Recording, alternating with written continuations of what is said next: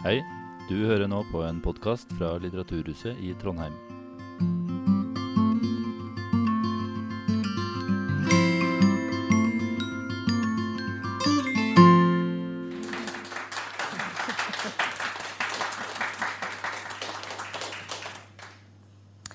Ja, da har Samarbeidsrådet for tros- og livssynssamfunnet i Trondheim invitert eh, Siri Schultze Florey fra Kristensamfunnet. Carl Erik Ellefsen fra Jesu Kristi kirke av siste dagers hellige. Og Egil Mågstad fra St. Olavs katolske menighet. Velkommen. Um, vi har kommet hit med ulik tro og livssyn sammen for å snakke om menneskelige, åndelige, filosofiske og eksistensielle spørsmål. Og i kveld så skal vi snakke om menneskeverd.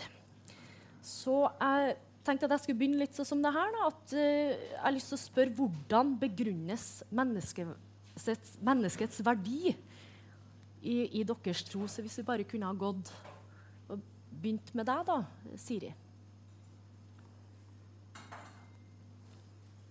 Og Gud sa, la oss skape mennesket i vårt bilde, etter vår lignelse. Slik at mennesket er av guddommelig art, og det er menneskets verdi.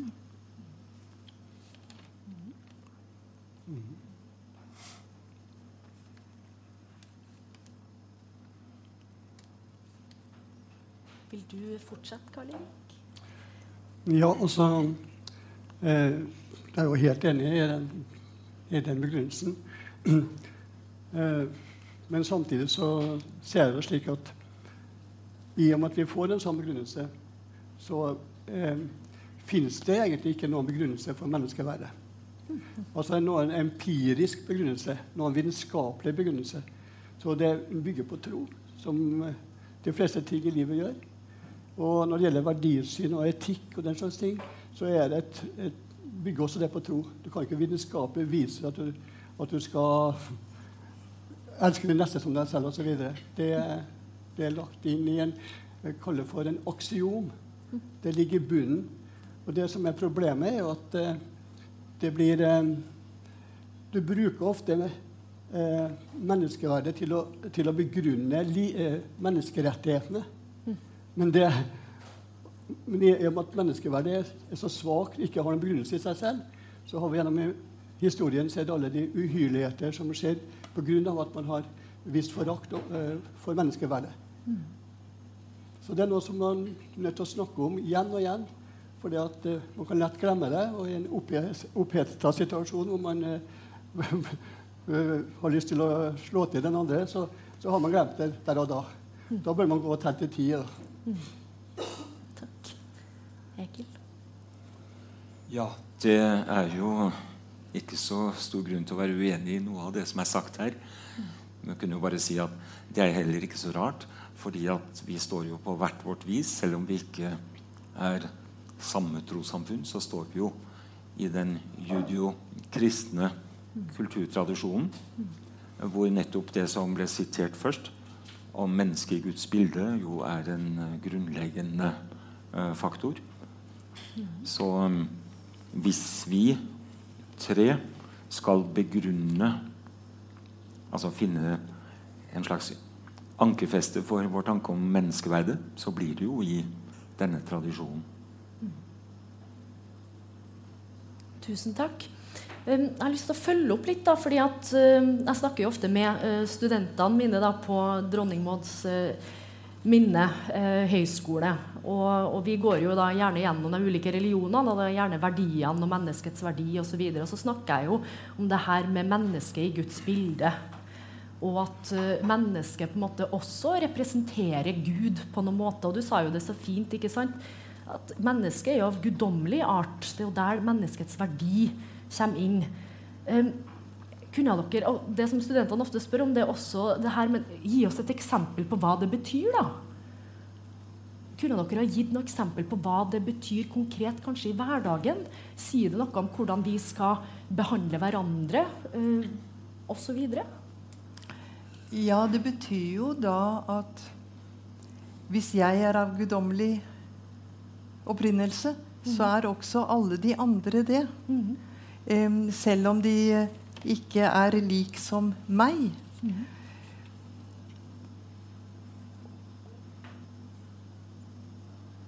Men i mennesket så ligger det jo også mulighet til å gjøre gode handlinger og til å gjøre onde handlinger. Og den friheten fikk vi da vi ble kastet ut av paradiset. Da hadde vi lært noen ting. Eh, og det er vel det som er den store utfordringen. Når lærer vi å ville gjøre det gode? Og hva er det gode?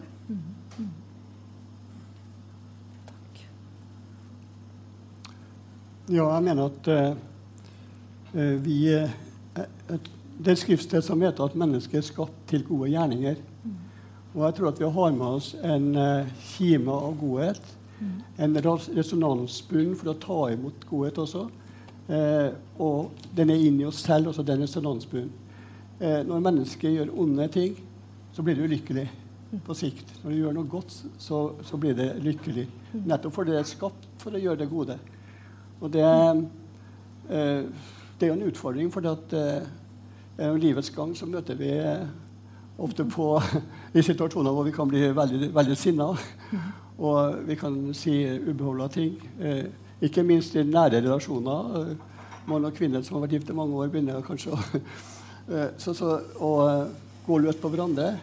Og så glemmer man det at man, man, man har likeverd og menneskeverd. Og, eh, jeg tenker som så at eh, jeg har vært opptatt siden jeg ble pensjonert for sju år siden, så har jeg vært opptatt med, med dialogen. Og så var jeg opptatt med når jeg hadde elever. da. Eh, Dialogen, eh, slik som den eh, beskrives av eksperter, den har den har som forutsetning at du på en måte ser på den dialogpartneren som din likestilte. Stiller du deg under eller over, så blir det ikke noe ordentlig dialog. Du må tro. og det eh, Han altså eh, svarer, som har skrevet den boka om eh, 'Den gode samtalen', han eh, legger mye vekt på etikken der. At når man møtes for en dialog, så må du ikke tro at du er bedre enn den du skal ha samtale med. Du må tro at vi kan lære begge to på hver, fra hvert vår ståsted. Så den blir veldig viktig for meg, dialogen, for å, for å styrke menneskeverdet. Men da må vi i forkant ha gjort, gått inn i oss sjøl og, og spurt Ser jeg på den personen som likestilt med meg sjøl, eller setter den langt høyt på pidestall? Det er ikke riktig, det heller. Det er langt ned. Men det er ikke så enkelt å finne balansen i, i virkeligheten. Altså. Lett å snakke om det. Ja Jeg tror Altså, menneskeverdet, det, det slår vi fast, tror jeg, alle tre. Som eh, en, eh, et aksiom, som du sier, en verdipåstand som vi legger til grunn for det vi tenker videre. Men eh, jeg vet ikke, f.eks. når vi nå beveget oss eh, ut av paradiset, så er det fristende eh, for meg som katolsk kristen å bruke det gamle ordet arvesynd. Peccatum originale. Em, og da begynner vi å sjaskes litt til her, da. Så er det jo viktig nettopp, som det også ble understreket, mennesket har sin fri vilje. Og viljen til å velge det gode, viljen til å ikke velge det, eller velge det bort. Nå kan vi selvsagt si at disse moderne, rabiate, nye vitenskaper om menneskets samfunn og menneskets sjel Jeg tenker jo på sosiologien og psykologien som har snudd opp ned på mye av den klassiske eh, vitenskapen. At den vil også si eh, hvordan kan du gjøre et menneske ansvarlig for alle dets handlinger? Har det virkelig full, fullt herredømme, full oversikt? Men nå er det jo ikke det eh, vi tenker på i vår tradisjon, i hvert fall når vi snakker om arvesynd. Men det er rett og slett det at eh, mennesket har altså muligheten til å velge, og har da i den grunnleggende urmyte som vi finner Jeg kaller det sånn, og som jeg sier til elever, sa i hvert fall i gamle dager da jeg var lærer. Dagsrevyen var ikke til stede, så det er vanskelig å vite nøyaktig hva som foregikk. Og i hvilken grad det er historisk, eller om det er mytisk. Og da ikke den moderne betydningen av mytisk, som går ut på at noe er løgn, men egentlig noe som er på mange måter mer sant enn uh, den vanlige virkeligheten. Uh, hva, hva står vi igjen med her? Uh, et menneske som med sin nysgjerrighet lar seg pirre. si meg, har Gud sagt at Er det virkelig slik at Og så gjennom nysgjerrigheten, som egentlig er en veldig fantastisk positiv ting. Det kan vi nå se videre gjennom historien. Men at den da faktisk blir eh, en drivkraft til å velge bort det som var det gode. Og så er det da at dette her vil jo vi bruke for nettopp å si ikke at mennesket er knust og ute av stand til å gjøre det gode eh, på egen hånd, for å si det sånn, altså uten Gud, men at mennesket alltid vil stå i en situasjon, nettopp valget, hvor det langt fra er selvfølgelig Gjerne ta med sosiologien og psykologien inn i det, men det er aldri selvfølgelig at det velger det gode. At det kanskje ikke engang vet hva det gode er. Det blir ganske kaotisk. Og mitt poeng er da at um,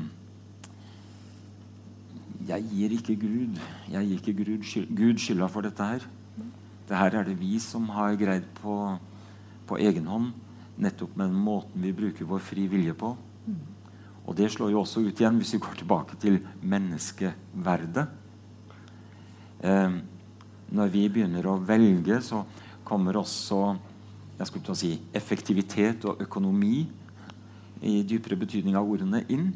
Slik at vi kan jo finne på rett og slett å kjøre over eller knuse et medmenneske nettopp av effektivitets- eller økonomiske eh, grunner. Så bare for å problematisere litt uh, dette med menneskeverdet i, i dagliglivet. Mm. En lang vei kunne du si for å komme frem dit, men jeg syns jeg måtte ha med arvesynden. Veldig interessant. Jeg har lyst til å følge opp litt eh, det her da med, Nei, med Kommentar til det. Vær så god. Ja. Jeg kom på et, et vers av Bjørnson. Elsk din neste, de kristen sjel, tre han ikke med jernskodd hæl, ligger han enn i støvet. Og det, så jeg er helt enig i dine betraktninger der. Eh, bortsett fra når det kommer til dette med arvesyn. Men der er det jo, må man jo liksom få fram på bordet at eh, Bibelen sier den, den, er på en måte Den, den er ikke til, den, den, er ikke brakt til oss uten gjennom vår fortolkning. Vi må fortolke Bibelen.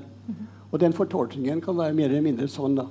For Bibelen den, den står i bokhylla, og selv om, vi henter den fram og blar opp et vers, så, så må det fortolke, alt må fortolkes. Og jeg er ikke enig i at uh, i arvesynsdogme det har det aldri vært. Fordi at, jeg hadde ikke regnet med det. Og, men, men, altså, det er derfor jeg tar det frem ja, men, men sånn som du forklarer, Egil forklarer det, så er jeg enig i det sånn filosofisk man kan begrunne det. Men det har gjort så mye skade gjennom tidene fordi at det har blitt misforstått.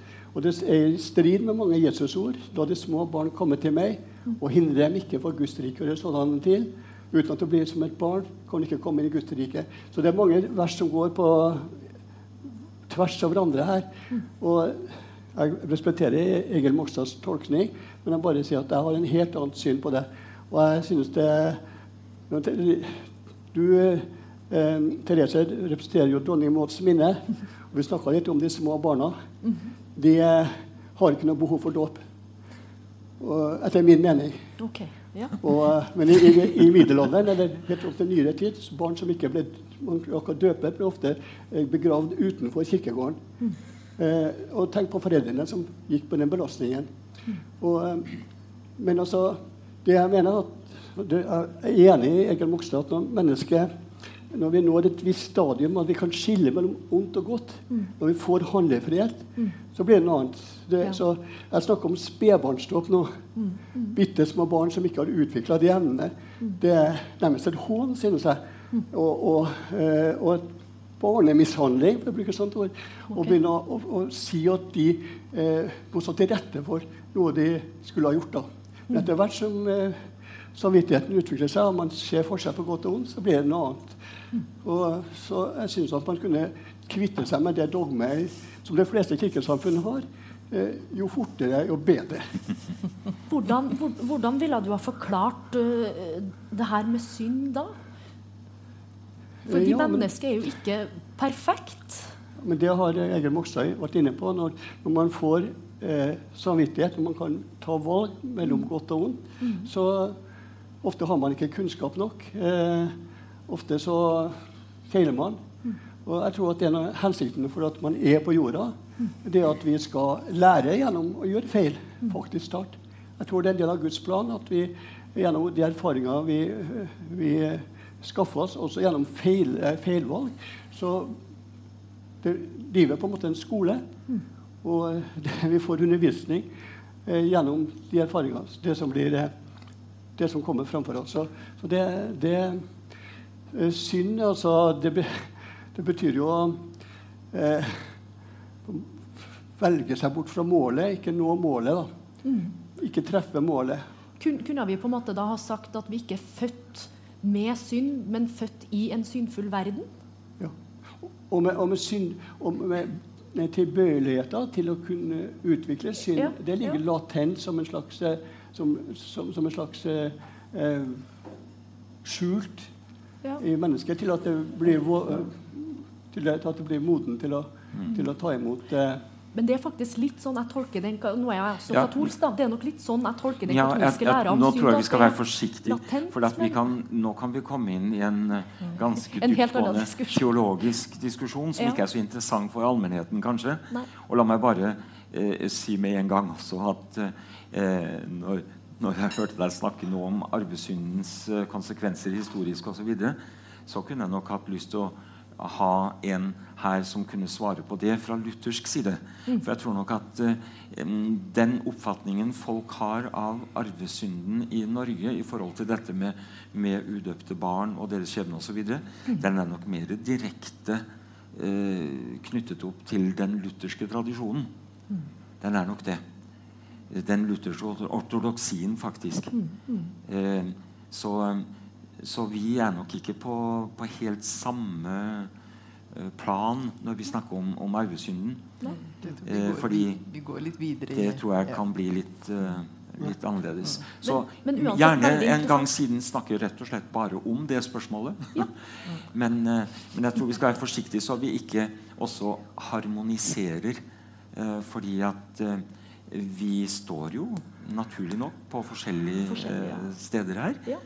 Og da krever det ganske lang tid og, og innsikt fra hver eh, for hver av oss for å si hva for en bakgrunn vi uttaler oss på. Så det her var mer fra min side ment for å problematisere litt grann det med vårt forhold til menneskeverdet. Ja, for det er, jo, det er jo kanskje litt vanskelig å, å snakke om mennesket og ikke snakke om, om synd også, selvfølgelig. Men da tenker jeg at vi, vi går videre med noe, med noe andre spørsmål, da. Men- Jeg Siri jeg er helt eh, enig i at det er forskjell på den katolske og lutherske kirken når det gjelder synet på arvesyn. Og I enkelte lærebøker står det jo også at, eh, at i en katolske kirke så mister man ikke gudbilligheten, men den blir svekka etter syndefallet. I den lutherske kirke så mister man helt gudbilligheten. Og Da refererer jeg til Augustana, hvor det står at eh, den latinske oversettelsen direkte oversatt står det at mennesket er født full av ond lyst og begjær. Kan dere merke dere det? La det, det gå inn i dere. Det mennesket er født full av ond lyst og begjær. Den er beskrevet av uh, Philip Melanchthon og lagt fram i, i 1530. Og det er ikke småtterier. Nei. Men eh, jeg har lyst til å gå litt videre. Takk. Um, jeg syns jo det er interessant det her med, med mennesket i forhold til dyr. Kunne du ha fortalt litt om hvordan vi kan begrunne menneskets særskilling eh, i forhold til dyra? Siri? Ja. Mennesket er alle tings mål i utviklingen. Og mennesket har ansvar for den jorden de lever på, og den naturen vi er en del av. Og vi kan ikke klare oss på denne jord hvis ikke vi tar ansvar for dyrenes levevilkår, plantene. Altså samspillet på jorden er det menneskets oppgave eh, å forvalte. Og der er vi jo i, nå eh, blinker de røde lysene. Det har det gjort lenge. Ja. Fordi vi eh, ut av økonomisk interesse, ut av egoisme, eh, ut av mangel på kunnskap om oversikten om hvordan alle ting henger sammen, misbruker, har misbrukt, har hatt rovdrift på naturen. Um, og men, mennesket i forhold til dyrene, så er, er det mennesket som er eh, det vesen på jorden som sier 'jeg' til seg selv, og kan sitte og ha en samtale og reflektere ø, over et tema. Um, og det gjør det annerledes enn dyrene, som selvfølgelig har følelser og har personlighet. Men de har allikevel ikke den evnen til å reflektere, til å tenke og til å ta ansvar. Er det det som setter mennesket i særstilling? Det at vi kan reflektere og ta ansvar? Er f.eks. Um, dyr født i Guds bilde? Ja, det- er mulig. Eh, Det er en, eh, en god forklaring. Men eh, jeg mener jo at altså, Du var jo inne på det her med forvaltningsoppdraget, eller kulturoppdraget. At vi har fått oppdrag å ta vare på gjør, samme forhold til dyrene som Gud ville hatt, på en måte. Et veldig seriøst oppdrag. Og at dyrene har eh, sin egenverdi.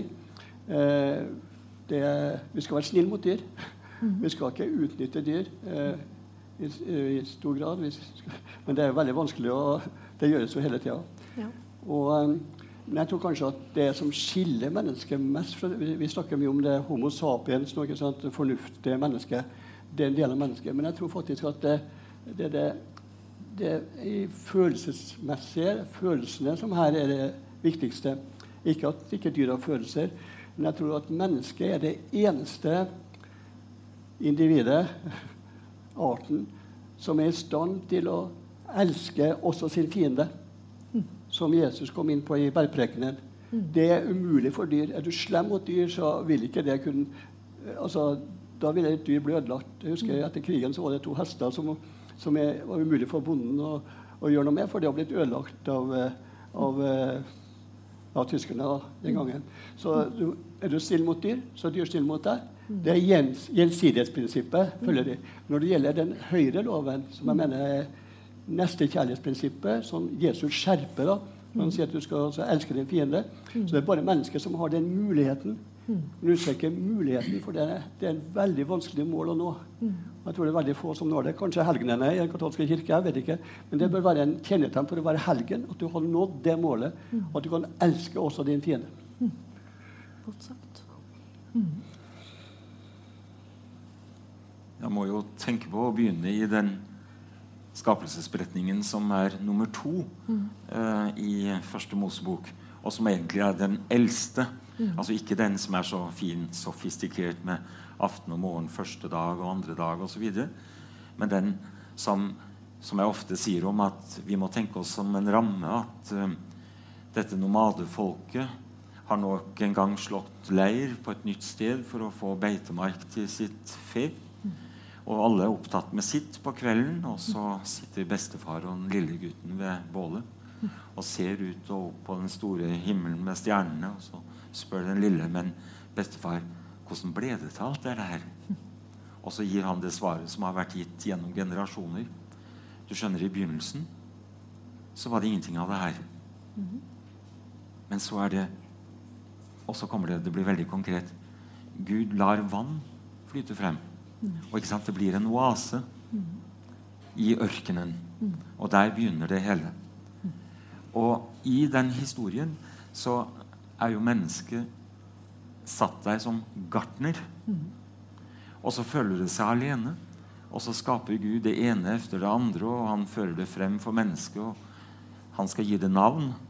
Og det jo da, det er greit med høner og sjimpanser og alt sammen, men det er liksom det er noe litt trivielt, da. Og så lar Gud altså søvnen falle over mennesket, og et ribben tas ut, og så formes da Eva, ikke sant? Det er ikke kjønnsperspektivet jeg ser på her nå. Det Nei. kan vi ta siden. Men Det nettopp dette her at her kommer jo mennesket faktisk før dyrene. Men hovedsaken er at mennesket som er gartner, blir også da en, en agronom, skal jeg til å si. En som nettopp en husholder. En som på Guds vegne på et vis skal sørge for at alt er i orden. Og det har den eh, kristne kirke i en lang tid glemt. Og fikk en veldig fin påminnelse fra hinduistisk side. Jeg tenker jo selvsagt på Mahatma Gandhi. Eh, og alt det vi kaller økologi, som ligger innbakt i den jødisk-kristne tradisjonen. Men eh, vi, tenk, vi trengte denne kraftige påminnelsen som eh, det hinduistiske eh, området har, har gitt oss. Så dermed så vil nok jeg også si at når jeg da ser på norsk TV en jente fra New York City som står om bord på en norsk fiskebåt på Øst-Finnmarkskysten og gråter fordi at torsken må dø, så er ikke jeg med. Nei. Men eh, vi er jo enige, vi skal være snille med dyrene. Og jeg vet jo ingen som har et så godt og samtidig rasjonelt forhold til dyrene sine som den klassiske bonden. Som nettopp da plasserer dyrene som dyr. Eh, hva ser vi? Holder oss til New York City som et uttrykk her for dette her. Når man altså kler opp stakkars små hunder i de mest utrolige antrekk og setter dem i en Barn- veske Ja. og tar dem med seg. Og, altså, hva slags respekt er det for, for dyret? Altså, Hvis jeg skulle si det i en spissformulering ut fra latinsk språk Dyr skal behandles bestialsk, ikke humant. For bestialsk det er, har med bestia med dyr å gjøre. De skal behandles som dyr, og ikke som mennesker. Eh, like gjerne som å si Homo sapiens, for det har jo egentlig med det å kunne lage verktøy å gjøre. Og vi vet jo at mange dyr gjør det. Så vil jeg lansere vil heller kalle det for Homo religiosus. Det mennesket som vet seg knyttet til en høyere makt, til Gud. Det er kanskje det som dypest sett skiller oss fra dyrene. Ja, hva vet vi? Hva vet vi? Jeg har selv opplevd en stor hund som var eid av en prest, og som var med når denne presten reiste rundt og hadde messe. Og når presten kom til konsekrasjonen, det viktigste øyeblikk i messen i vår gudstjeneste, så la hunden seg ned. Ikke sant? Så hva vet vi? Vi vet lite. Ja. Bra. Takk. Vi snakker jo om, om mennesket, som jeg hører litt her, da, som gjerne er reflektert, fornuftig. Så vi hører liksom dere med de rasjonelle egenskapene. Så jeg har litt lyst til å, å, å snakke om hvordan skal vi da forholde oss til det som har vært litt aktuelt eh, i siste, da. Det med funksjonsnedsettelse det med funksjonsnedsettelse, gjerne da kognitiv funksjonsnedsettelse.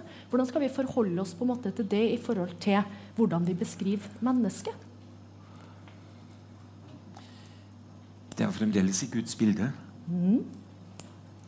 Eh, og det er jo nettopp det at det er jo ikke først og fremst uh, fornuften som kanskje definerer mennesket, Nei. Men uh, dets fødsel. Født av. Er det uten grunn at vi har hatt det? Nils Jensen, Nils sønn av Jens, og han får sønnen Jens, som da blir Nilsen, for han er sønnen av Nils. Eller du kunne sagt det samme med dotter, selvsagt. Ja. At, at vi er av the human kind. Og uansett hvordan det enkelte individ har det når det gjelder Skal vi kalle det gaver? For det vil jo vi si, ifølge vår tro, tror jeg de alle tre, er at det vi har fått Altså, vi har fått det. Det er gaver. Og at gavene både kan være forskjellige av kvalitet. Mm. Skjønt det er vanskelig å bestemme det òg. Så, så hører vi alle sammen i det menneskelige fellesskap. Ja. Ja. Litt vanskelig for meg, for eh, å definere rollen min. Jeg representerer Jesu Kristi kirke, representerer jeg meg selv. For det er ikke det samme. Og Moderne forskning viser jo nå at eh, religionen er i ferd med å bli individualisert. Du kan ikke sette merkelapp på en og si at ja, er du, siste, er du, er du Jehovas vitner, så tror du det og det og det og det. du. Og er du, er du muslim, så tror du det og det og det. og det. For vi har alle våre personlige fortolkninger mer og mer. Og det kom fram på et uh, seminar jeg var i Oslo for et år siden. Der var eksperter som eh, hadde, fra England som hadde utført denne forskningen. Men da vil jeg så mye av det si nå, det er jo sånn som jeg fortolker min religion. Fortolker mitt eh, eh, det, det temaet som ble tatt opp. Men altså, vi tror jo på en foruttilværelse. At vi har vært, i Guds nærhet. Jeg må ta med det for å få det her klart. Og at vi eh, der fikk oppleve det gode. Og det hadde et godt liv. Og det gjør at jeg eh, Og det ser jeg på som en, enda en bekreftelse på menneskeverdet. At det ikke bare er menneskeverd fordi at vi er fysiske søsken, men også fordi at vi er åndelige søsken. Og når vi kommer hit ned, så er det vanlig oppfatning innenfor min kirke i hvert fall, at de som er født med funksjonshemming, de har eh, fått en spesiell, bes, spesiell beskyttelse. De er som små barn. De er på en måte arvinger til himmelriket. det har ikke vært slik i fortilværelsen, men eh, det er fysiske hemmelige ting som gjør at de, de er på det at, at de går gjennom livet da, eh, med mindre bagasje. Og det, de, er, de er spesielt velsignet, sånn som vi ser det. De trenger ikke dåp, de trenger ingenting. Menneskets eh, fysiske utrustning og deres evne til å tale eller til å gjøre ting, den kan være begrenset. Men menneskets individ, menneskets kjerne, eh, kan ikke Er aldri begrenset. Men dets uttrykk er begrenset. Så når vi snakker, så forstår vi alle ordene som blir sagt. Og vi forstår også sammenhengen. Og det fins mange mennesker som ikke forstår de ordene som blir sagt, men de forstår sammenhengen. Og de forstår alvoret eller eh, det store i det. Så det å være eh, på jakt når man møter mennesker med nedsatt funksjons... Eller hva nå man skal si. Være på jakt etter hva er det jeg ser? Hva er det jeg hører? Eh, og når jeg har eh, en andakt på et hjem for psykisk utviklingshemmet og hører lydene som kommer, så kan jeg høre om de er med eller ikke, ikke med. Men særlig det når de er med. Da vet jeg hun skjønner sammenhengen. Hun skjønner det som er det egentlige. Veldig, veldig godt sagt. Jeg, jeg syns på en måte at en sånn teologisk forklaring som alle dere har gitt på menneskeverdet. da. Og det at vi er født i Guds bilde, det at vi har ulike gaver, kvaliteter, ikke minst at vi kanskje er født i, inn i Guds nåde. ikke sant? At Gud alltid har nåde over oss. Jeg synes at Det er en veldig viktig forståelse å ha med seg i, i dagens samfunn. Da, for det er veldig ofte at vi måler eh, mennesket ut ifra hva det produserer. Så, så takk for det. Ja. ja jeg synes ikke det for meg er ikke noe problem eh, noen har funksjonshemming. Jeg har arbeidet litt med dette spørsmålet det ondes problem. Mm. Eh, Teodicé-problematikken eh, etter at jeg ble pensjonist. Jeg har, eh, det, der prøver man å forklare hvorfor Gud tillater det onde. Men jeg går litt jeg litt mer, vil ha litt mer bakkekontakt og spørre hvorfor mennesket er ondt. da. Mhm. Hvorfor gjør mennesker onde ting? Okay. Og da er det sånn at det er vanskeligere for meg å akseptere altså det en person som har gjort noe vondt, det tror jeg også mange andre har problemer med. Som har gjort overgrep, som har gjort eh, mord. Eh, mm. Massemorderen, f.eks. Og mm. Anders Behring Breivik på Utøya. Mm. Altså, det vi ikke tenker over, at disse personene Hvis du, hvis du tror at menneskeverdet er absolutt mm knytta ikke bare til en etnisk gruppe ikke på gruppenivået, for der er vi alle enige at alle mennesker Vi vet jo at alle, alle sorte befolkninger er både gode og alle slags og blant indianere osv. Når det kommer til den enkelte person, går ned til det kaller jeg for det absolutte menneskeverdet, så, så det er vanskelig å akseptere hvordan man blir så ond da, som enkelte blir. Og du ser I et kristent land som USA så har man jo inntil ja, noen satt av vel fremdeles dødsstraff. da. Mm. Og jeg ser det sånn at Når du dømmer en person til døden, mm. det er den, den, mest brutale måten å fornekte menneskeverdet på. Mm. mm. Og det skjer jo rundt i verden den dag i dag. Mm. Og vi er litt hjelpeløse overfor det.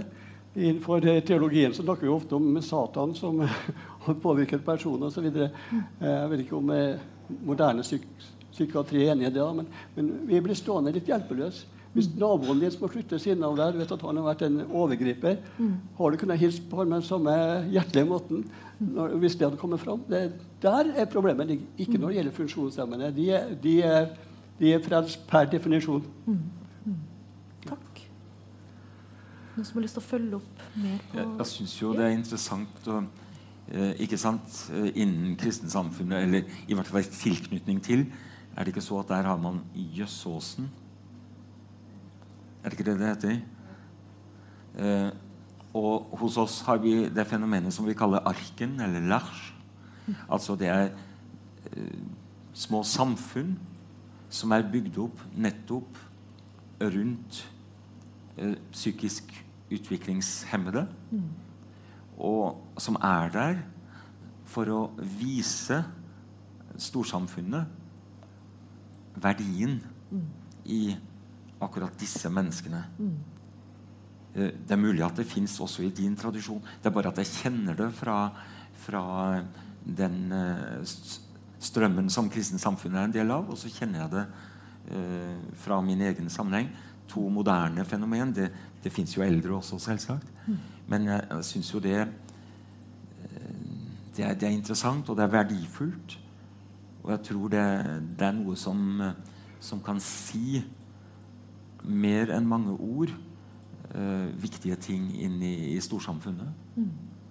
Mm. Ja.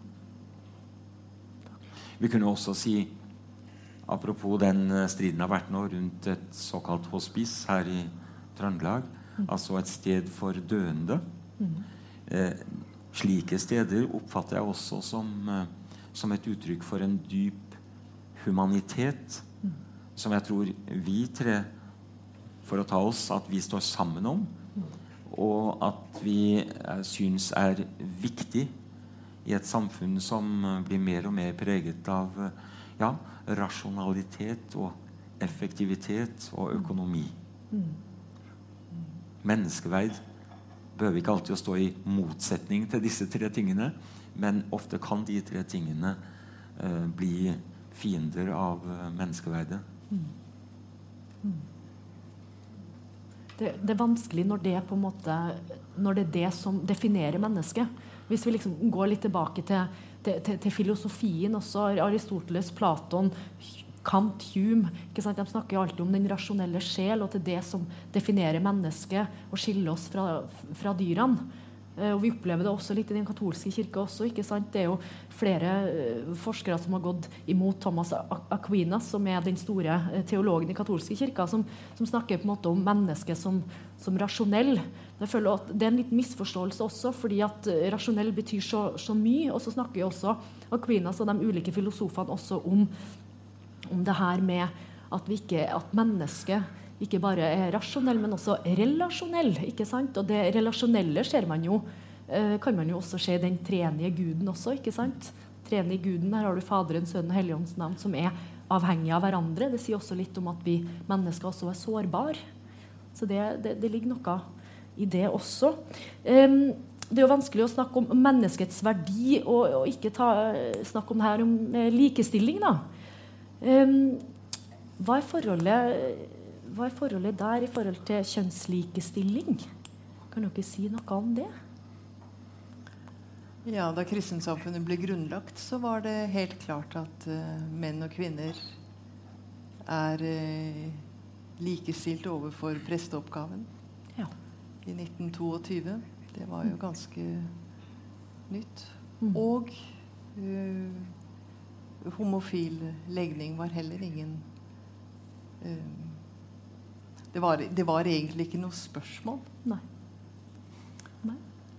Det er interessant, eh, for det er klart, her kommer vi fra veldig forskjellige ja. utgangspunkt. Vi som er eh, menneskehetens største ikke-nasjonale organiserte fellesskap, og vel også i dag det eldste, um, det gir seg utslag i min menighet her i Trondheim gjennom at vi symbolsk snakker om 120 nasjonaliteter samlet i en menighet på registrerte 7000. Mm. Uh, da er det klart at uh, vi kan ikke snakke om disse tingene uten først å minne om at her er det mange, både historisk sett, lag, men også skal vi si, vertikale eh, lag mm. gjennom at forskjellige kulturer lever sammen i dette store fellesskapet. Mm. Men, eh, men, på et grunnleggende plan eh, så allerede monoteismen forutsetter jo, eller er en forutsetning og fører jo til en total uh, likestilling. Det er ikke slik at noen er skapt av den guden og noen av den, eller, mm. eller, eller, eller. Nei, og det heter også I Guds bilde skapte han dem. Til mann og kvinne skapte han dem. Mm. Og går vi videre til, til, Paulus, så finner vi jo også det samme. At her er det ikke lenger jøde eller greker, altså eh, folkeslag, mer eller mindre privilegert, eller slave eller fri, eller kvinne eller mann. Så det er klart, dette her ligger dypt og er veldig viktig.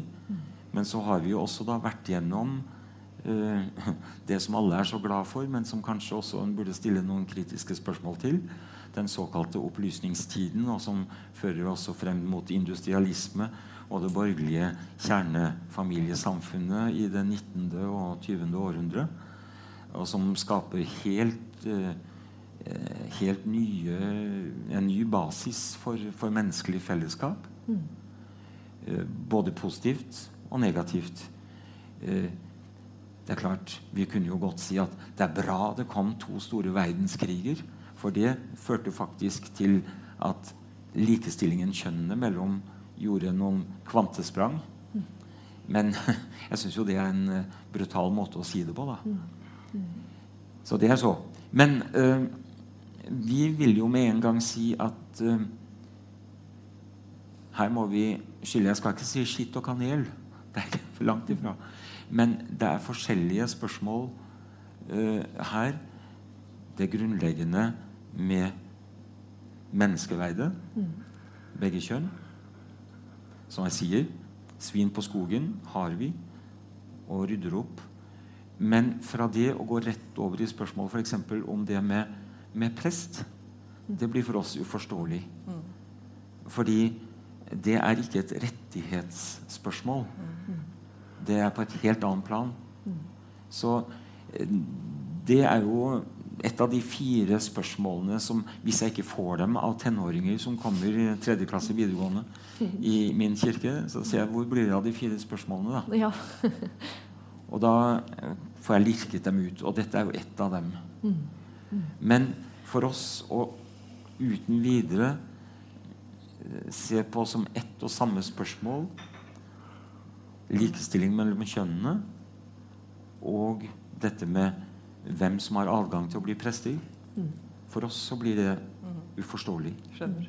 Jeg skal, jeg skal ikke gå inn på det her med Nei. kvinnelige prester i den katolske kirka. Men kan man da si at kvinner og menn har ulike, men likestilte oppgaver?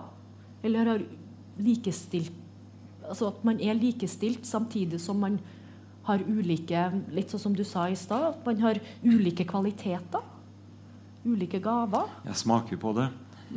Eh, men uh, jeg vil være veldig forsiktig Altså Hvis jeg skulle gå videre Når jeg hører en kvinnelig norsk biskop, luthersk da selvfølgelig, eh, snakke om jobben sin og du ikke bare aner en fagforening bak henne, men du vet at den er der, og at de faktisk truer med streik også, så er det en tenkning som, som overhodet ikke fins hos oss. Og det er en mikroskopisk andel av menn som blir prester. Og vi som har blitt det, har ingen rett til å bli det. Det er faktisk eh, flere som ikke blir det, fordi at biskopen som bestemmer, han sier 'nei, jeg tror ikke du skal det'. Ikke sant? Sånn at eh, jeg vil gjerne Det er et spørsmål som jeg ikke skal nekte å diskutere, Nei. men eh, som jeg nok vil plassere i en annen kontekst. Ja. Og, og måtte gå gjennom eh, historien og teologien for å, å komme frem til. Så det tror jeg ikke vi skal gjøre i dag. Men når du nevnte eh, homofile, så er det interessant. Én ting er at det er en moderne term. Og at vi kan se igjen altså denne tiden som jeg har sagt har ført med seg litt av hvert fra opplysningstida og frem, eh, har også forandret menneskenes verden når det gjelder mm, ting her. Eh, det satt vel igjen det at man kunne forstå vennskap på andre måter enn man gjør i dag. Eh, det har til og med i middelalderen f.eks. ser vi vært eh, en slags eh, skal vi si, vielse av vennskap. Nå skal ikke vi dermed av det slutte at det var seksuelle eh, føringer i de vennskapene, for det er en moderne tenkning. Men eh, la meg si det som jeg sier det til tenåringene, for det er så mye enklere. Da snakker du i klisjeer. Og da sier jeg at um, det er ingen forskjell i det katolske universet mellom heterofile og homofile hvis ikke de heterofile er gift. Ikke sant? Ja. For vi vil jo hevde det livsvarige, monogame ekteskapet mellom mann og kvinne som stedet hvor seksualiteten skal leves ut. Mens eh, om du er heterofil eller homofil, så stiller du likt. Så kunne vi også føye til at det var en det var i en fransk katolsk radio at en prest fikk et spørsmål om dette her. Og så sier han Hva vil du vi skal gjøre, da? Skal vi nå over natta liksom bare si alt det her er ålreit? Gå på. Nei, det var ikke det han ville heller, da. Altså, det Vi står overfor en gammel felleskultur som ikke lar seg forandre i løpet av noen generasjoner. Men vi ser nå vår nåtidige pave har jo uttrykt nettopp eh, sorg over når vi ser hvordan Kirken har behandlet homofile. Og da går det på de siste århundrer. altså. Det understreker jeg sterkt. Det er det. Og at vi nettopp må eh, finne en annen eh, måte å, å se dette her på, og dermed å være overfor hverandre. Og allerede så skjer jo det i store deler av verden. Ja, store deler igjen. ikke sant? Du har dette eh, mer liberale nordvesteuropeiske og nordamerikanske samfunnet. Men prøv å plante de ideene uten videre i de afrikanske og søramerikanske delene av vår kirke, f.eks. Mm. Da, da ser du klart at her er det en salig blanding mm. av det menneskelige og det guddommelige. Mm. Mm. Som ikke Altså, for å bruke et bibelsk uttrykk Vi luker ikke ugresset, vi lar det stå. For å ikke vi risikerer å også ødelegge den gode sæd. Ikke sant. Ja, det er spørsmålet om likestilling og menneskeverd. Så mener jeg at det er ikke noe direkte forhold mellom de to. Fordi at menneskeverdet det er, det er en aksiom. Mm. Og, bruker, og, menneskerettighetene brukes for å rettferdiggjøre eller for å, Menneskeverdet brukes for å rettferdiggjøre menneskerettighetene. Mm. Fordi at eh, Menneskeverdet det kan skje på to måter. Det kan tildeles mm. gjennom at du får mer, flere rettigheter. Men det er ikke en garanti for at at du selv føler større menneskeverd. Tvert imot kan det, sånn som vi ser var inne på den historiske utviklingen nå, det blir klasseforskjeller, og noen blir rike og noen blir fattige, så vil de rike som Alexander Kielland GIF, f.eks., så vil de ofte se opp ned på de andre. Noen har blått bo, og noen har eh, vanlige mennesker. Så, men, men, det som jeg syns er interessant spørsmål å ta opp til slutt, det er hva er det som er hvor stammer ideen fra? For vi har vært inne på noe litt historie her. Hvor stammer ideen eh, om menneskeverdet fra? Mhm. For den er veldig viktig å holde fast på. Hvis jeg kunne få lese opp noen linjer fra, av en kjent tysk filosof med navn Jørn Havernas, som er, i tillegg var ateist. da. Mhm. Og det synes jeg er en fordel, for da har han ikke noe å forsvare når det gjelder religionene. For å si han? Eh, han starter med å si, eh, bruker et fremmedord, universell egalitarisme. Det vil si tro på det absolutte menneskeverd. -hmm. Universell eh, egalitarisme, hvorfra ideene utløper om frihet, kollektiv solidaritet, aktiv kontroll over eget liv, frigjøring, samvittighetsbasert moral, menneskeretter og demokrati. Eh, det er en direkte arv fra eh, den jødiske rettferdighetstenkningen og den kristne kjærlighetsetikken. Og det er veldig mye sånn ære man tar på seg. Kanskje, jeg vet ikke om katolikkene tar på seg æren for at eh, man, man, lærer om eh, nestekjærlighet. Men nestekjærligheten er faktisk et bud i Tanak, i den jødiske bibel. Og også de ti bud stammer fra den jødiske bibel. Og kjærlighetsbudet stammer jo fra Jesus, da, kjærlighetsetikken. Man skal elske også din fiende. Det er en ateist som eh, finner kjernen for eh, denne tenkningen. Og vi sier Æres den som æres spør. Hvordan har vi behandlet jødene gjennom tidene? Har vi vært snille mot dem? Har Den katolske kirke vært snill mot dem gjennom den andre verdenskrig? Vi kan finne mange eksempler på at det, det mangler altså, den snillheten. Også, jødedommen er på en måte vår det er vår monotismens mor. Og vi har liksom diebarn til denne mora. Vi har behandla hun veldig stygt gjennom tidene. Det bør vi ta inn over oss. Der har vi nemlig den arven som, eh, som menneskeverdet bygger på. Uten de to eh, faktorene, fra ifølge Habernas, så har vi ikke hatt denne tanken om menneskeverdet blant oss. Men i Østen er det annet. Vi snakker om Vesten nå. vestlig utviklingen i Vesten. Hvis vi tar med oss det, det videre til kjønnslikestilling og likestilling, da, kan du si noe, noe om det?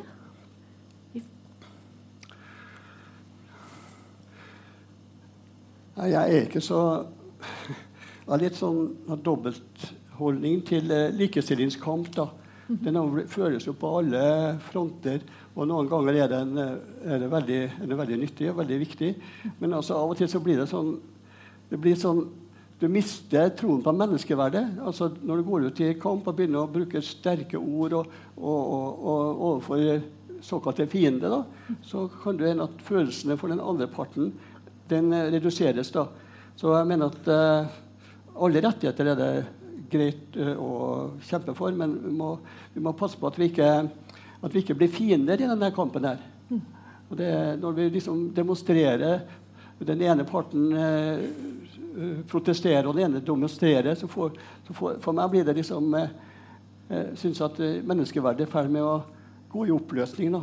I, Men jeg har det samme problemet som eh, Egil Mokstad. Vi har heller ikke kvinnelige prester. Nei. Men vi har det sånn at det, det som vi kaller da for prestedømme, det som menn utfører, det er å dele ut nattverden og døpe eh, personer.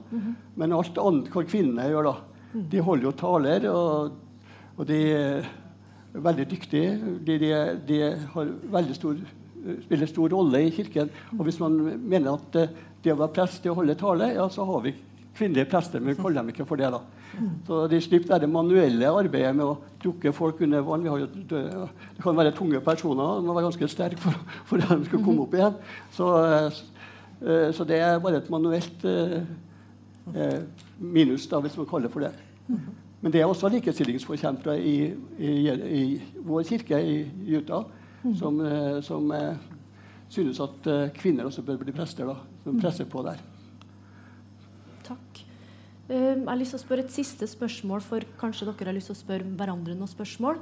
Eh, og det er jo det som har vært, eller fortsatt er litt eh, aktuelt i dag. Da. Og det er jo det her eh, rasismespørsmålet. Black Lives Matter. Og når vi snakker om menneskeverd, har eh, deres trossamfunn noe, noe forhold til det? Hvordan snakker vi om rasisme? Hvordan snakker vi om Black Lives Matter? Når det på en måte har, og det er jo ikke bare i USA at det har kommet opp at det er, eh, rasisme foregår ganske systematisk i, i Norge også. Er det noe eh, trossamfunnene deres gjør for å, for å bekjempe det, f.eks.? Bare ved å være katolsk kirke i Trondheim, så er vi jo et tegn. Eh, Jeg må si eh, til mine kjære lutherske venner at når jeg av og til er i en luthersk gudstjeneste, så har det skjedd at jeg har følt et lite ubehag, og så har jeg ikke skjønt hva det var. For jeg ser oh, det er jo så hvitt her. det føles veldig for meg litt aparte etter hvert. Fordi jeg er så vant til Det er bare på det planet, altså. Det er ikke noe kritikk. For man er jo som man er. Men, eh, men, eh, men det er klart, altså. Alle har vi jo nettopp gjennom disse lokale kulturer osv. Eh, eh, spilt våre roller i, i, i negativ eh, retning innen dette her. Men eh, sånn personlig så må jeg si Jeg husker jeg ble intervjuet i Radio RV en gang. Og da var det jo angrep etter angrep på den katolske kirke. da. Og så kom han med rasisme, og da lo jeg for åpen telefon. Det er en luksus vi ikke kan tillate oss. Ikke sant? Ja. Ja. Det er, altså, det er kjøttvekta, rett og slett. også. Ja. Takk. Ja, Karl Erik.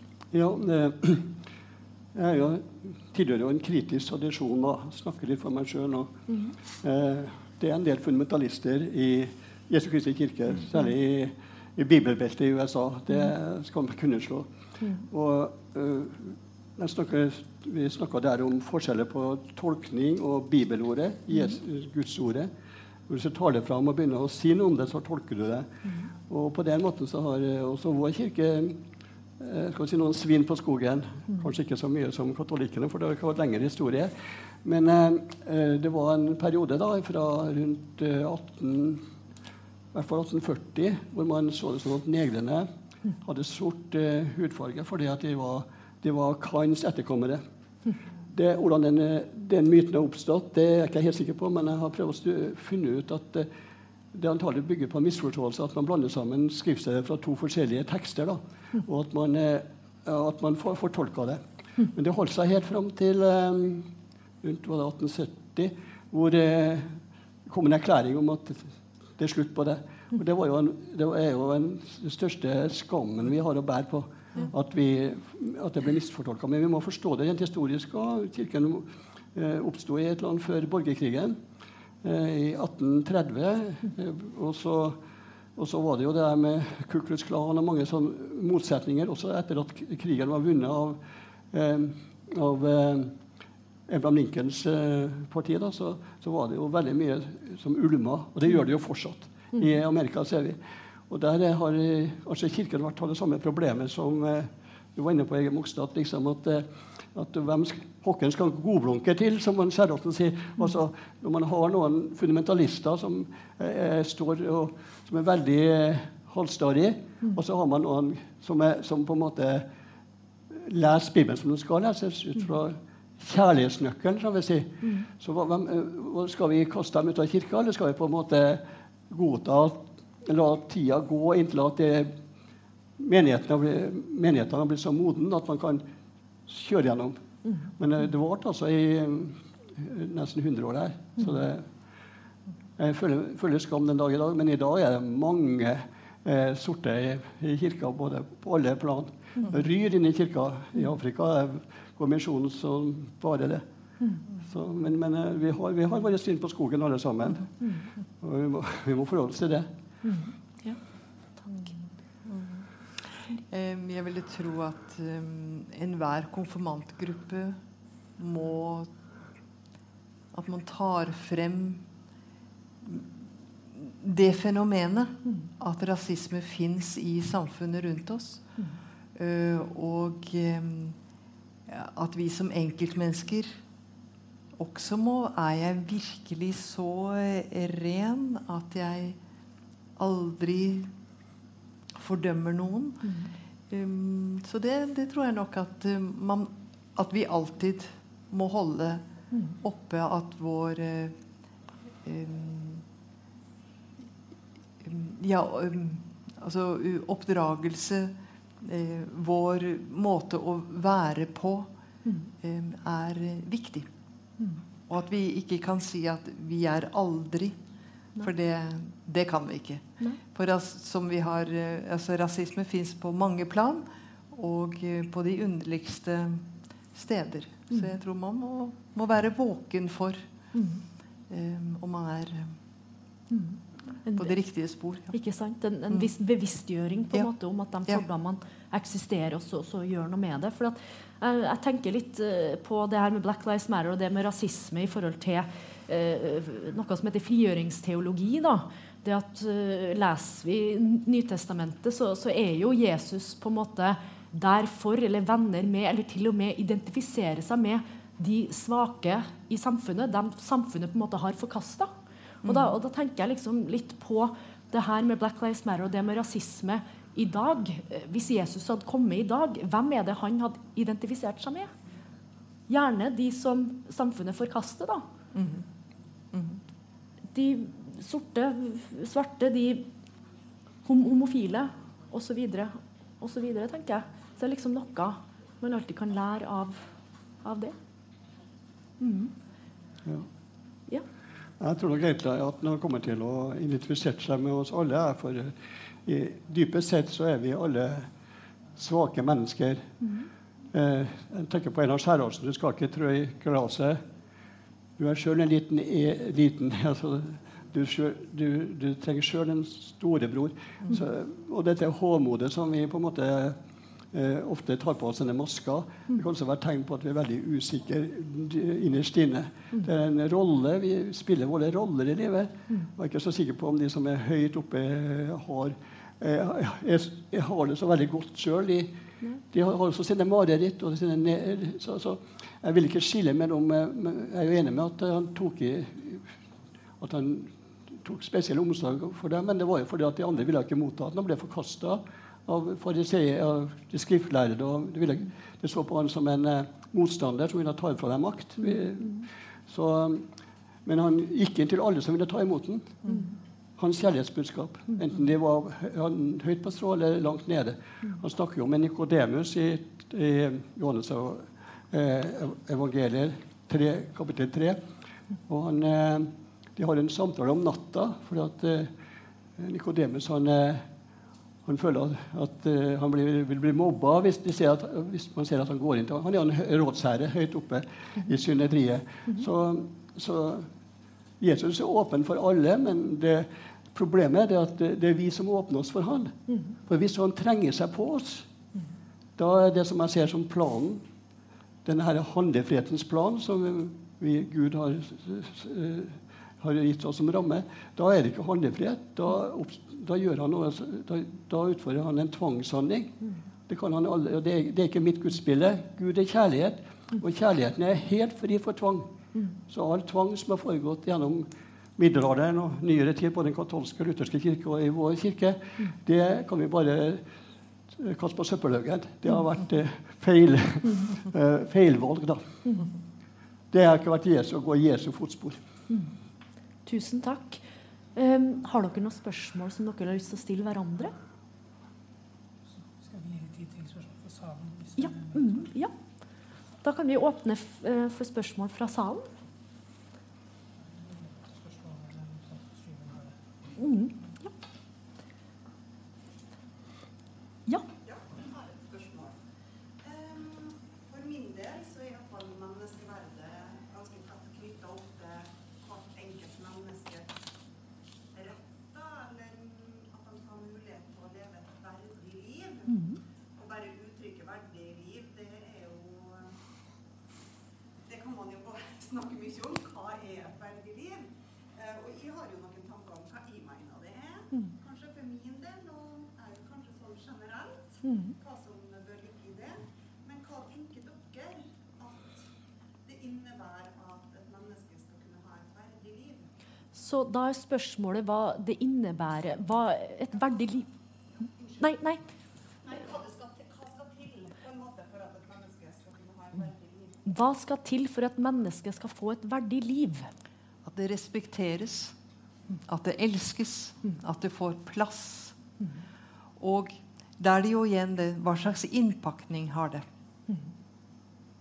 Er det uverdig å bli syk? Glemsk? Uten mulighet til å bevege seg? Eller er det kanskje nettopp verdig? Er det uverdig å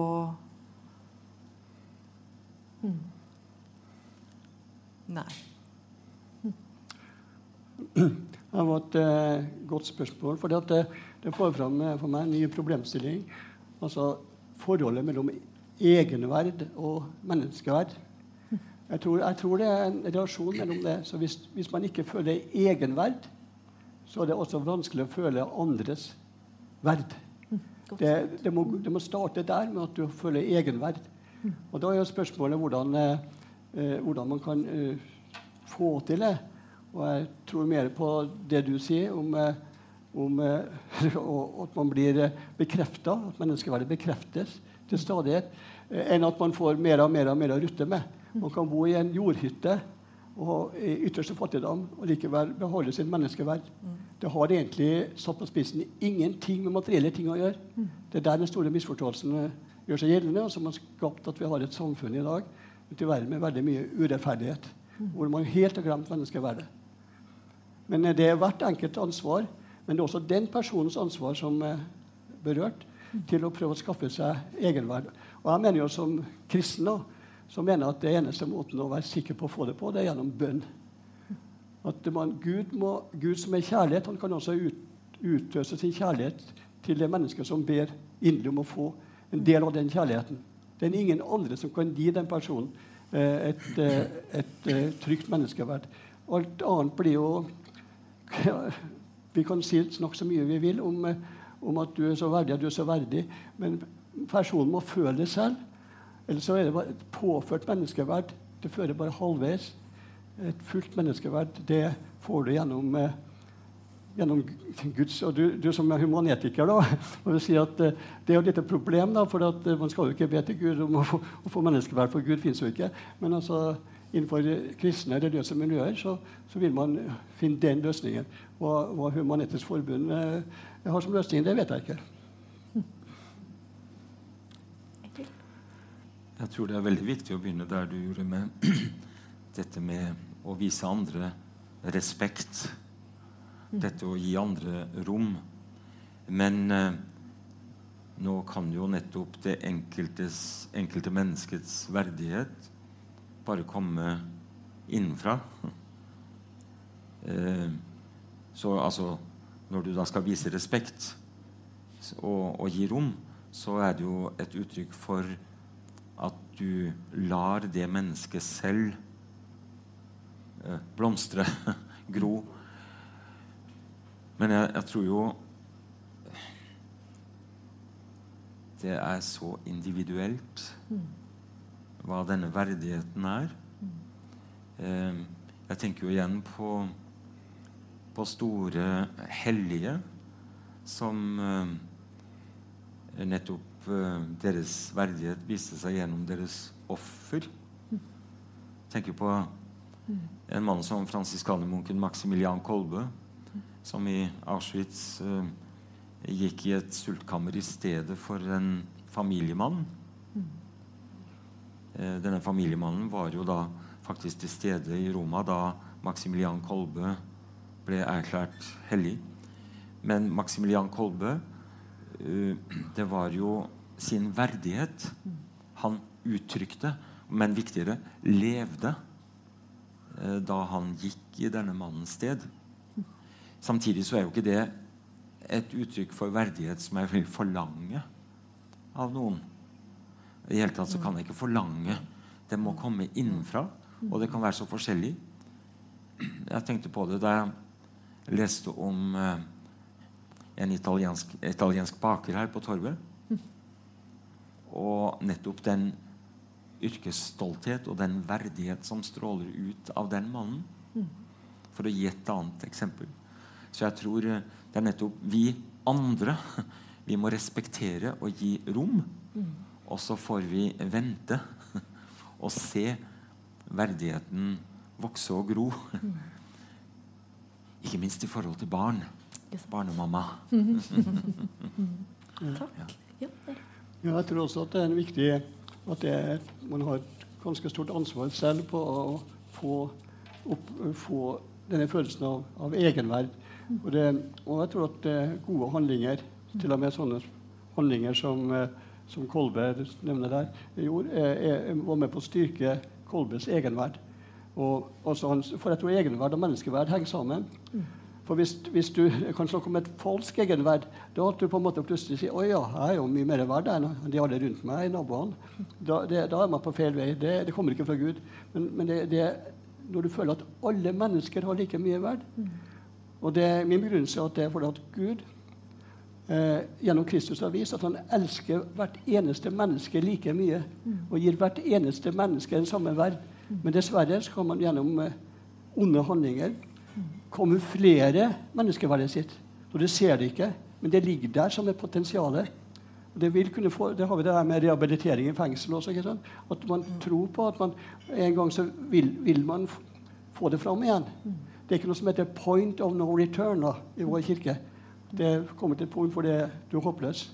Det er alltid en mulighet for å, for å komme tilbake da, hvis man, hvis man har spora av eh, gjennom, gjennom gjerninger som eh, man går og bære på. Er det flere spørsmål fra salen? Og det var det at eh, ja, eh, Nå er det mulig at jeg har misforstått, men jeg forstår det som at dere sier at menneskeverdet må komme innenfra. Ikke sant? At det er på en måte tanken. Men eh, ikke da, Siri. For det var det jeg tenkte. At eh, dere har jo f.eks. sånn som dere snakka om i stad. Eh, Campil eller ja, Kanskje dere har hørt om noen annen. For det var det var en måte at man skaper et menneskeverd da på en måte at mennesker rundt også viser at Eller skaper et menneskeverd for andre. Gi det, ja, gi det rom. Gi det arbeid. Jeg arbeider, derfor er jeg. Det er å gi den andre eh, et verdig liv.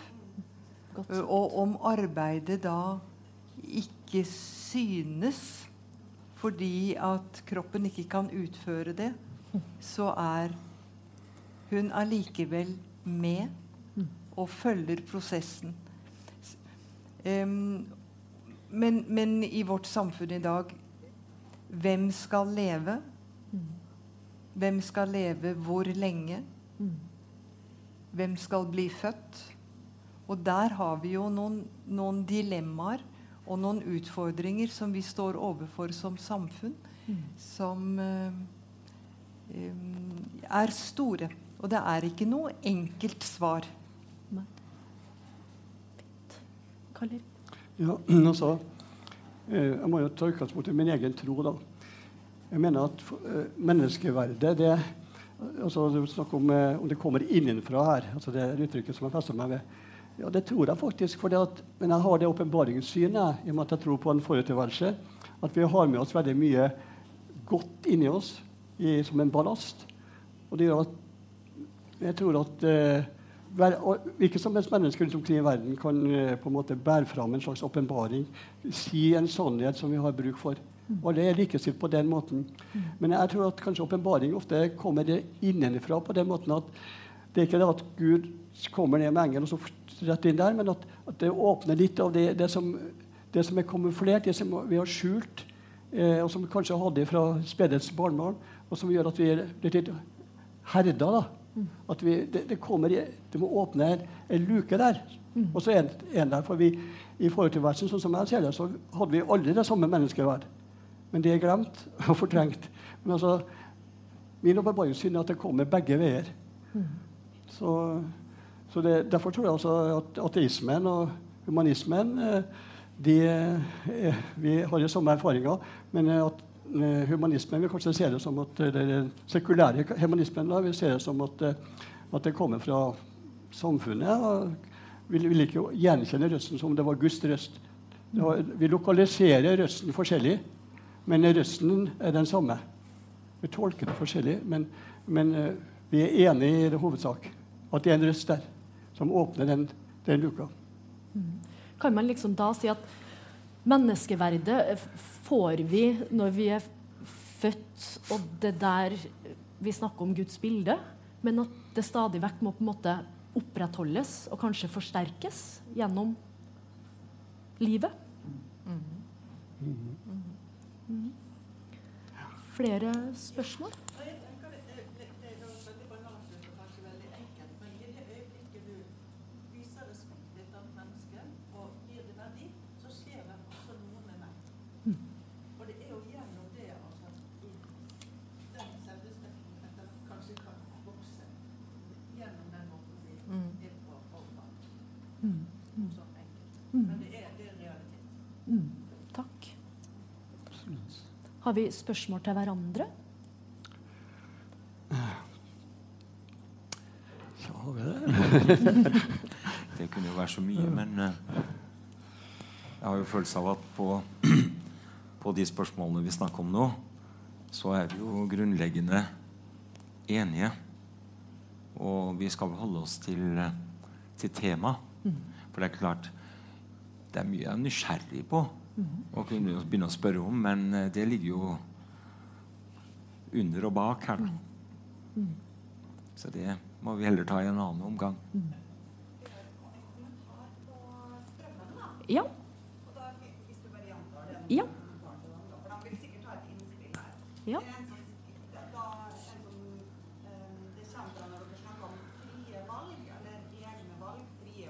Fri vilje. da,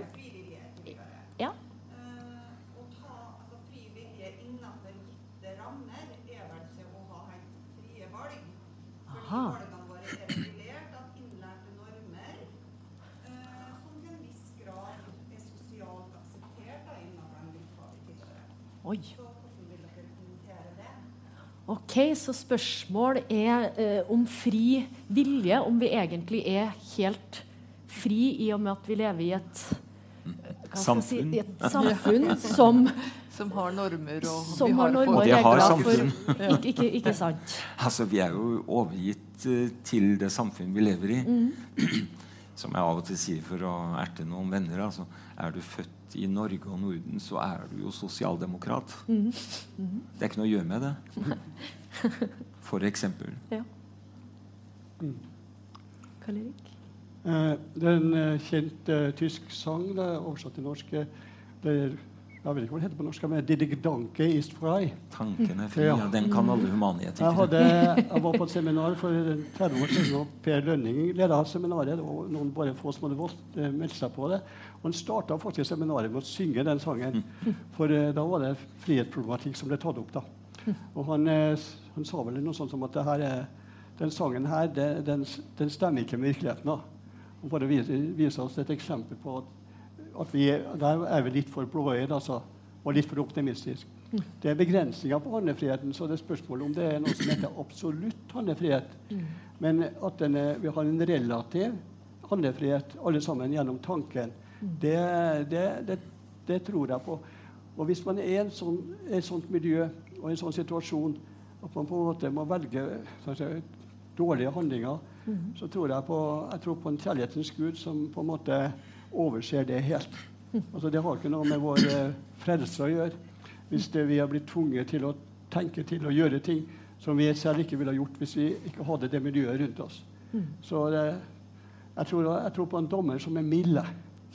Ikke en som står der med Sankt Peter og klubber oss ned. Han gjør jo ikke det. Men eh, jeg må jo si at jeg foretrekker jo å med en viss skepsis etter hvert som en kanskje utvikler seg og modnes, men allikevel.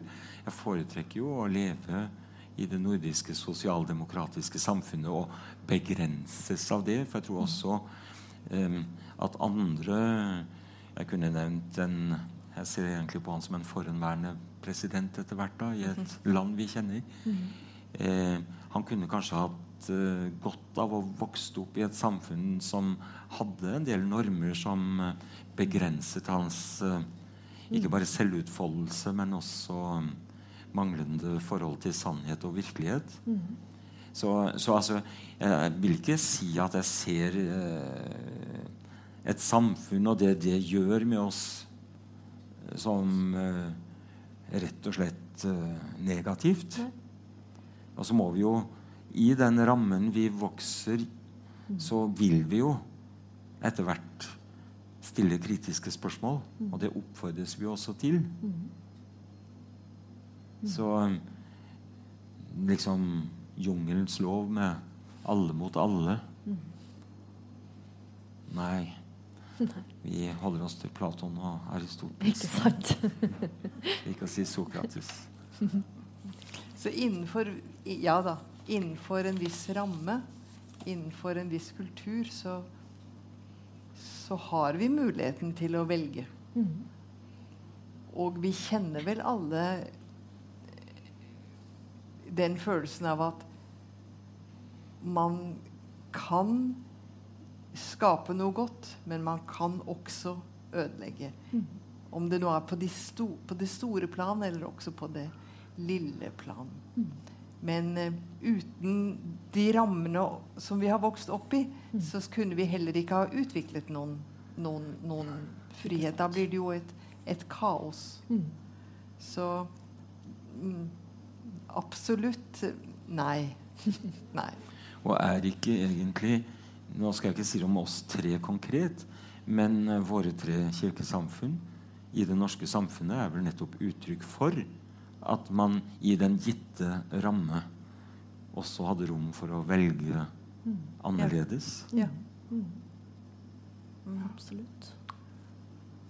Ja.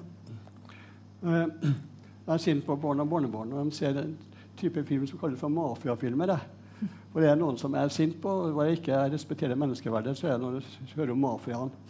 Folk som har funnet at de kan ikke, skal ikke drive ærlig arbeid, men de skal presse penger ut av andre da, gjennom trusler og av og til drap. Jeg synes det er så fyselig. Men, men så ser jeg når, når jeg tar, tar meg sammen og ser på noen disse filmene, så ser jeg at det er jo forskjell på mafiafolka. De har faktisk Innenfor det miljøet de er en del av, så er de jo kan, mye bedre enn kanskje sjefen. da. Så det er liksom du skiller her. Og, så, så det er ikke så enkelt eh, at du bare kan skylde på miljøet for det om du gjør noe som eh, du kan tilpasse. Så ikke Jeg er sikker på at også i, i holocaust og i disse leirene så var det fangevoktere som gikk til det ytterste for å være slem mot, uh, mot fangene. Og så var det de som på en måte hadde en, eh, prøvd litt mer human hånd. Jeg regner med i hvert fall det at det er sånn. Og når du eh, går Når du kommer fra et miljø som f.eks. Jeg lurer på om ikke tidligere formann i Humanitets Forbund han Levi fra Gell og sånn. Man kom fra et, eh, et miljø, veldig strengt kristent miljø. Men han ble jo humanetiker. Og så ofte at, eh, reagerer barn eh, kontra når, når det har blitt kommet til sjelsår alderen og får, får, seg, får, får med seg resten av samfunnet. Men det er når samfunnet på en måte driver med hjernevask, og alt sammen At du ikke får forskjeller fram. Det er da at, at det kan slå ille ut, da, som i Tyskland hvor, alle, hvor, Hitler fikk med seg i hvert fall veldig mange mm. av forskjellige grunner. Mm. Da vil jeg bare si tusen takk for i dag. Takk.